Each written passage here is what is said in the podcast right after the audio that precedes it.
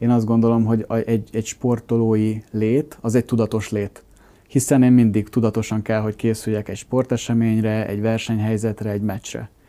Onnantól kezdve ezt át tudom, gyakor- át tudom emelni a, a mindennapi életembe. Én nekem tudatosan kell, hogy építsek valamit, tudatos, si, sikeréhes vagyok, nyilván, mert szeretem a sikert, szeretem azt, hogyha adrenalin van, hogyha meccs van. Ez megmutatkozik akár egy vállalkozói életben szerintem, megmutatkozik akár egy, egy nagy cégnél, hogyha én elmentem volna oda dolgozni, hogy ott fölküzdjem magam, megdolgozzak a, az, az eredményekért. Tehát ad, egy, ad szerintem egy olyan ö, látásmódot az életben, ami, ami hozzájárul ahhoz, hogy te sikerre vigyél bármit is, amivel foglalkozol.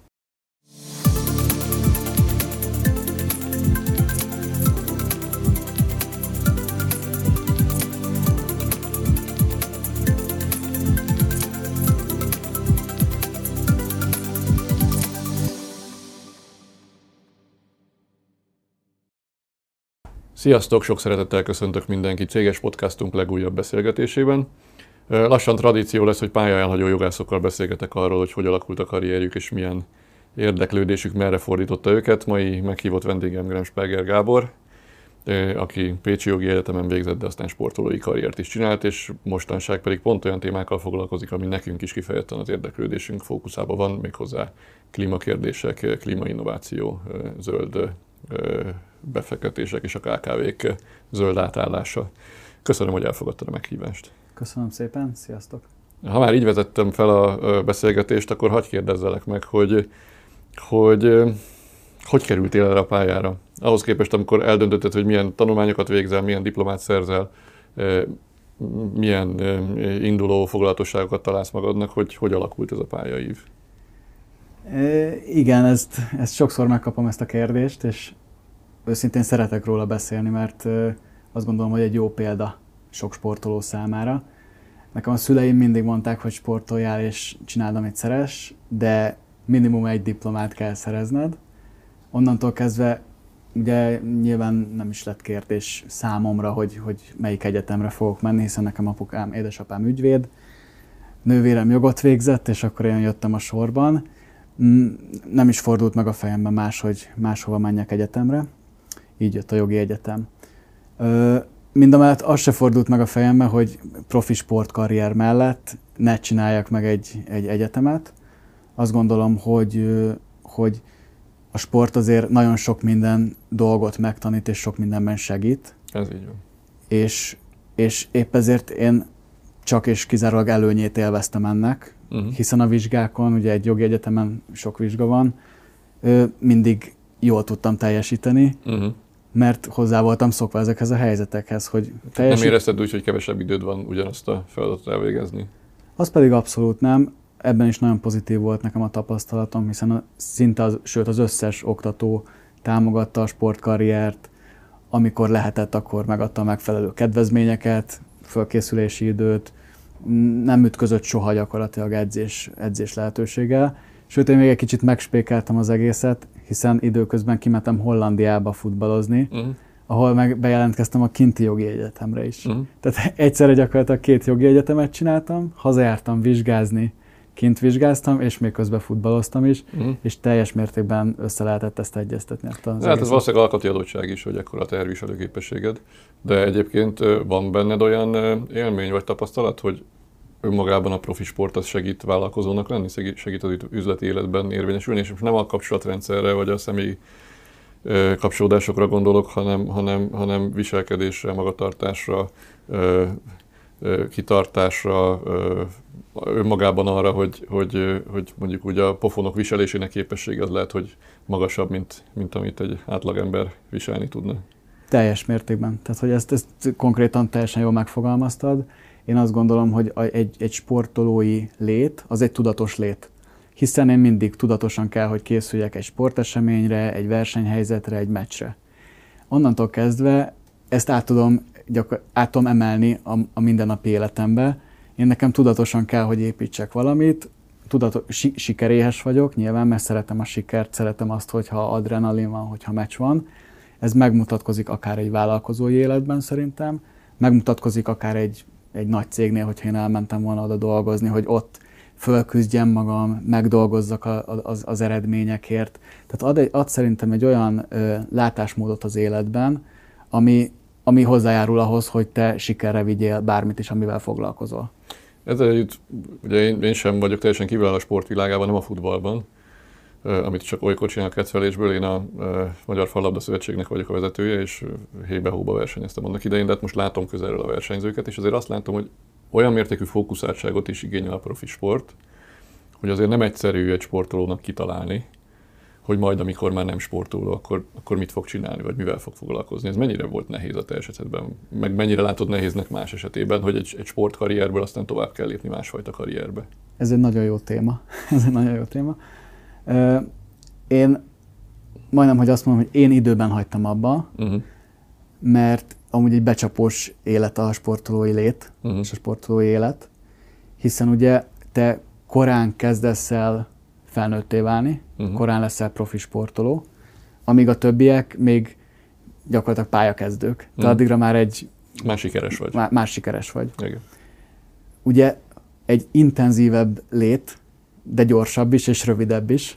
Tehát gyakorlatilag amíg te 20 évig van egy karriered, addig te sikeres vagy, mész fölfelé, fejlődsz folyamatosan, hiszen ugye tudjuk a stagnálás az visszafejlődés, tehát hogy ott ugye mindig van egy, egy kényszer, addig a többiek is fejlődnek azért, uh-huh. nem olyan ütemben, meg nem olyan intenzíven, de pont mire te abba hagyod a sportot, a sikeredet, uh-huh. addigra ők meg majdnem, hogy azt mondom, addigra lesznek sikeresek.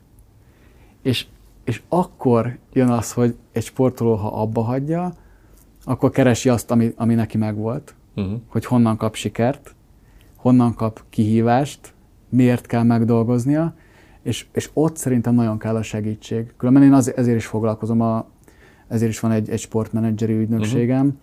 mert én szerintem ez a teljes pályafutás alatti segítségnyújtás, az elején a mentorálástól kezdődve, a profi karrierben nyilván ott, ott ugye ott is egyszer fönt, egyszer lent, uh-huh. kell a segítség, kell a támasz, kell, hogy megbeszéld valakivel a dolgokat. Uh-huh. Nincs olyan húsz év, amikor minden nap jobb nap, tehát hogy vannak rosszabb napok, jobb napok.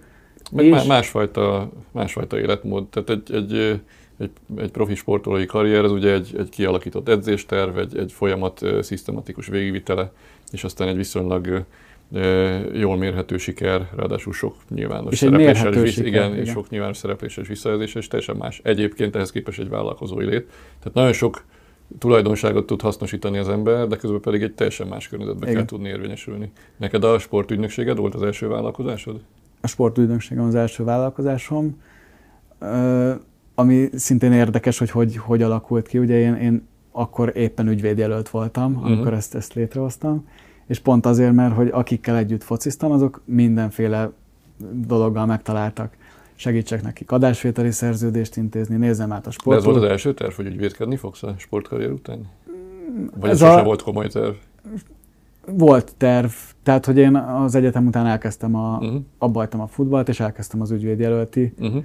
Dolgot végigjárni, hogy hogy legyek ügyvéd aztán az, az élet meg másfelé irányított egy kicsit. Mm. Tehát sok olyan probléma jött eléd, amivel szívesebben foglalkoztál, és azokat akartad inkább megoldani. Igen, igen, igen. Meg én, én szerettem mozgásban lenni, tehát hogy szerettem a kimenni, segíteni, beszélgetni. Ugye az ügyvédlét, meg az ügyvédjelölt lét az egy, az egy irodában ülő, sokszor monoton lét. Pár év ügyvédkedést én is kipróbáltam, tehát tudom, miről beszélsz. Igen, igen. A, ez eddig egy ilyen logikus vonalvezetésnek tűnik, és akkor egyszer csak most azt látni, hogy te egy zöld átállással, klímatanácsadással foglalkozó céget alapítottál és vezetsz. Ez hogyan következik az eddigiekből? Érdekes, szerintem ez is a sportra vezethető vissza, hm. mert az ember szereti a kihívásokat, szereti az új kihívásokat, és szeret új célokért küzdeni. A Covid első napján találtam ki egy barátommal ezt az egészet, hogy, hogy na most ezzel foglalkozni kell és, és bebizonyosodott, hogy tényleg foglalkozni kell. Ezt beszélünk körülbelül, ugye most már négy éve volt uh-huh. ez. Hát ahhoz képest az el, elmúlt négy év nagyon sokat fejlődött, nagyon uh-huh. sok mindent. Nyilván, amit kitaláltunk, azóta a mi dolgunk is nagyon sok mindent változott. De egy vállalkozás így működik, hogy valamilyen konkrét helyzetben az ember kitalál valamit, és aztán az alkalmazkodó képességétől függ, hogy abból valami életképes dolog művel ki a végén. Igen. Igen, és, és itt, is, itt is megtaláltuk, megtaláltam igazából azt, hogy, hogy hogy lehet a fenntarthatóságot összekötni a sporttal, Uh-huh. mert össze lehet. Uh-huh. Mind a mellett, hogy nagyon sok minden mással is foglalkozunk fenntarthatósági témán belül, Uh-huh. de ez az egyik fó, fő fókuszunk. Azt mondd el azért, hogy mivel foglalkoztunk. Igen, a Climate Action Kft. az környezetvédelmi és klímavédelmi tanácsadással foglalkozó cég. Én három részre szoktam bontani a, a, a szolgáltatásunkat. Az egyik az a tanácsadás. Cégeknek, rendezvényeknek, szervezeteknek, szervezeteket világítunk át, auditálunk, nézzük meg, hogy mi a jelenlegi működésük, hogy tudnak átállni egy fenntarthatóbb működésre. Ez, a, ez az ESG tanácsadás Mhm. gyakorlatilag, ami ugye most egy ilyen hot topic a világban. Foglalkozunk edukációval, de olyan edukációval, ami cégeknek belsős edukáció, Mhm. ami alapvetően abból fakad, hogy a vezető elhivatott a fenntarthatóság iránt, és a, és a boardnak, tehát a vezetőknek szeretné ezt a szemléletet valamelyest átadni, Uh-huh. és elmagyarázni nekik, meg megértetni velük, hogy ez miért fontos be, be, belső működés szempontjából, illetve kifelé miért fontos, hogy ezt Mhm. mutassák. És a harmadik, amire az egyik legbüszkébbek vagyunk, ez a Magyarországon és a régióban megvalósuló, hivatalos, saját offsetting, tehát semlegesítési projektjeink vannak. Ezek ökoszisztémára alapuló offsetting projektek, amik alapvetően erdőtelepítés, erdőszerkezet átalakításos projektek, Mhm. szorosan együttműködve ugye az erdőgazdaságokkal, er, az Erdészeti Egyetemmel, az Agráregyetemmmel és az Erdészeti Tudományos Intézménnyel. A, ezekre azért vagyunk nagyon büszkék, mert, mert a régióban elég egyedülálló ez. Uh-huh.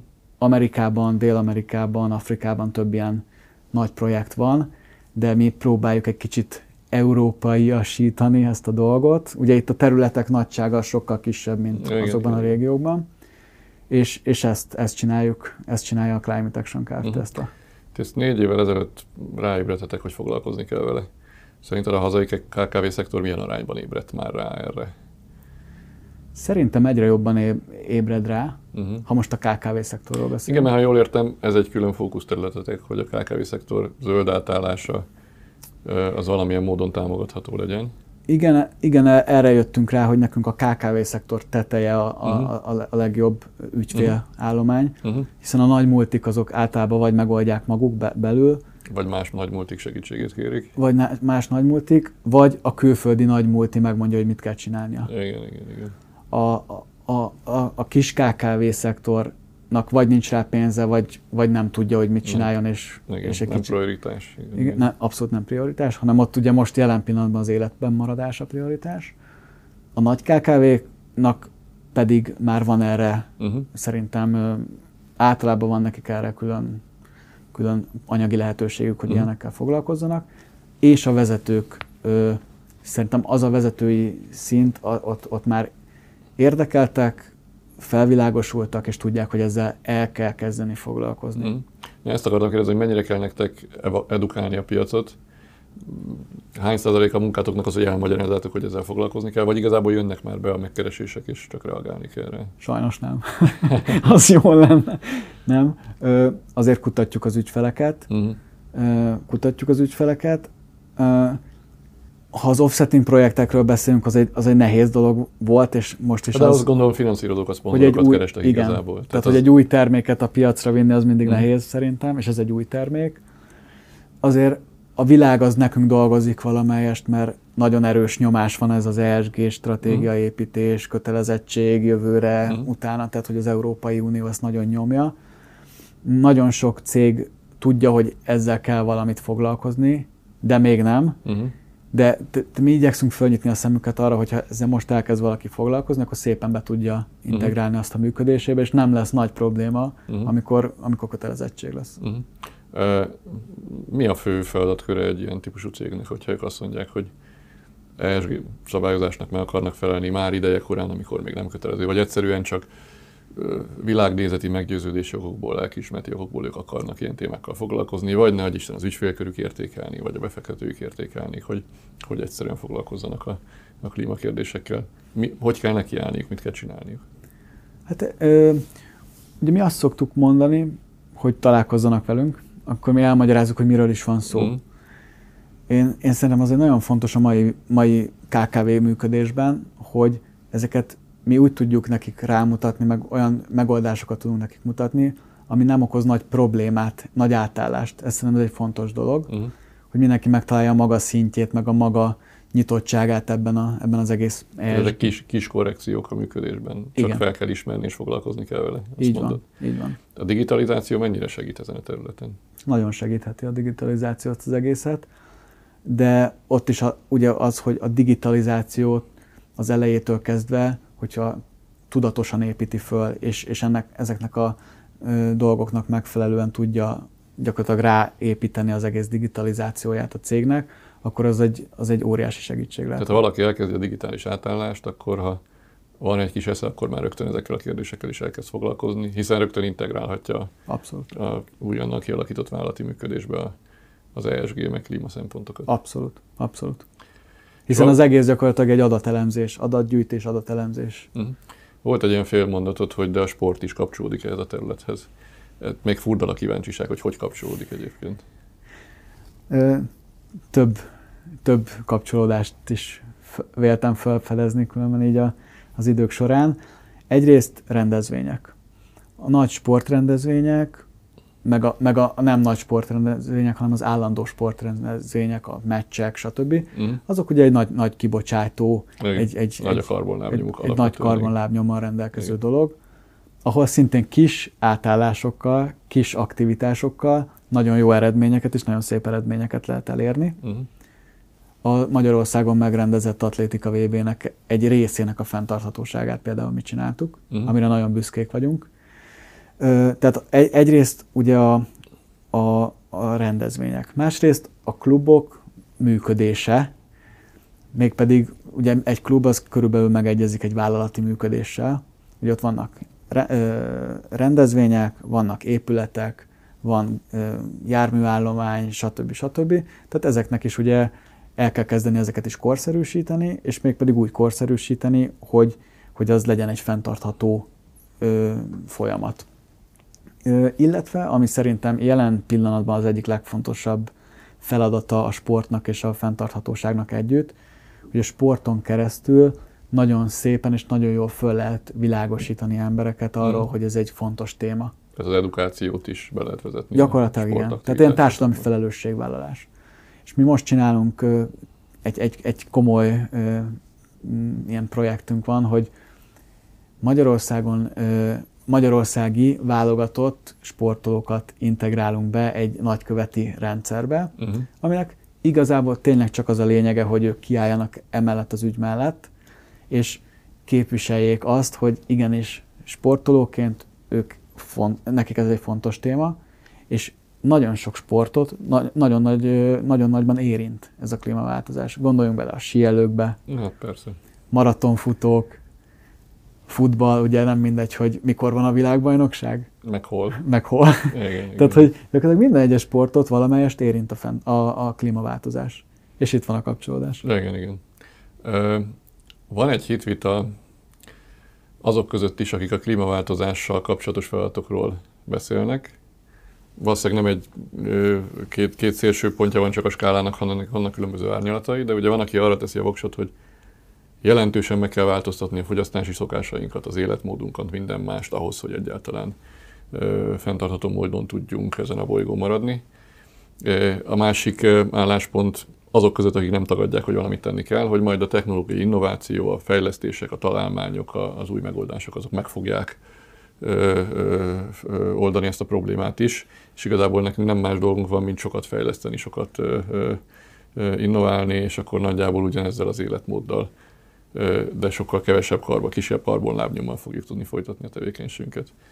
Te melyikben hiszel, vagy melyiket, mely, melyikről próbálod meggyőzni a saját, saját kapcsolatrendszeredet, vagy ügyfeleidet? Én, én abszolút az arany középút. Tehát szerintem kell szemléletbeli változtatás is, kezdve onnan, hogy nem veszek PET palackos vizet, hanem újra töltöm a kis kulacsomat, hogy figyelek a természetre, hogy, hogy más értéket kap a szemléletemben a természet, mert ez egy fontos dolog szerintem. Uh-huh. De ez már elindult, tehát én belátom a pozitív változásokat, és hát a világ az egy, az egy innovatív, modern világban élünk. Szerintem kellenek azok az innovációk, kellenek azok a, azok a fejlesztések, kellenek azok a, azok a innovatív gondolatok, amik, amik szintén hozzájárulnak ahhoz, hogy például, tehát, tehát ez, ez szerintem elég, elég szoros kölcsönhatásban tud, mm. tud együtt mozogni ez a két dolog. Mm, örülök a válaszodnak, mert én sem gondolom, hogy életmódváltás nélkül egyébként, vagy szokásokbeli változtatás nélkül egyébként a fenntarthatósági kérdések azok megoldhatók lennének, de hát mi meg magunk alapvetően a zöld innovációkba való befektetésekkel foglalkozunk, és ilyen lehetőséget keresünk folyamatosan. Nagyon érdekes ez a pálya. Visszakanyarodva, bocsánat, hogy, hogy például, ha csak kiragadunk egy témát, hulladékgazdálkodás. Ott elengedhetetlen, hogy legyenek innovációk, hogy hogy forgatjuk vissza a körforgásos gazdaságba például a hulladékot. Mert ugye nincs kidobott szemét, hanem csak minden visszakerül valahogy. A, tehát, hogy azt például nem tudjuk meg, megváltoztatni csak szokás megváltoztatással. Persze, ez így van, de hát energiafelhasználásban, energiahatékonyságban, rengeteg területen, energiatállásban egyszerűen elengedhetetlen, Igen. kimerő erőforrásokat valami mással tudjunk pótolni. Nagyon örülök a beszélgetésnek, nagyon inspiráló az életpályád, arra kíváncsi vagyok, hogy egyébként mi a, mi, mi, milyen terveid vannak még, vagy hol látod még magadat, mi az, amivel még bele akarsz vágni, vagy mi az, amivel még szeretnél foglalkozni? Mindenképp ez a két, két téma, ami, ami, amit így, így nagyon jól megtaláltam magamnak, az biztos, hogy, hogy ezzel szeretnék foglalkozni. És én nagyon hiszek abban, hogy, hogy országhatárokon túl, kell, túl is kell gondolkozni. Mm. Egyrészt Magyarország kicsi, másrészt Magyarországon nagyon tehetséges emberek vannak, és miért ne vigyük a magyar tudást külföldre. Sportban már voltak külföldi befektetéseid, hogyha jól Igen. tudom, de akkor a klímakérdésekben is át fogod lépni az ország határokat ezek szerint. Sőt, már át is léptük. Ugye nem, tit- nem titok, hogy a nyugat-balkáni régió felé hmm. terjeszkedünk, és, és az sem titok, hogy miért. Ugye ők, ő nekik nagyon komoly kötelezettségeik vannak ahhoz, hogy például az Európai Unióhoz tudjanak csatlakozni. Ezért meg kell felelniük nagyon sok mindennek, de a klímapolitikában is nagyon sok változás, nagyon sok fejlesztés kell, hogy, hogy eszközöljenek és nagyon nyitottak a magyar tudásra, nagyon, nagyon, nagyon várják tőlünk, tőlem a megoldást ott kint. Egy teljesen véletlen dolog miatt kerültem én arra a régióra, tehát hogy soha nem gondoltam, hogy holland futballkarrier után Magyarországról megyek Észak-Macedóniába, de, de egyelőre én ebben semmi természetes nem látok. Mondom, nagyon, nagyon furcsa sok kapcsolódási pont van a, a, a pályáinkban, hát nekünk is holland irodánk van, Magyarországról terjeszkedünk, nagyon aktívak vagyunk a régióban.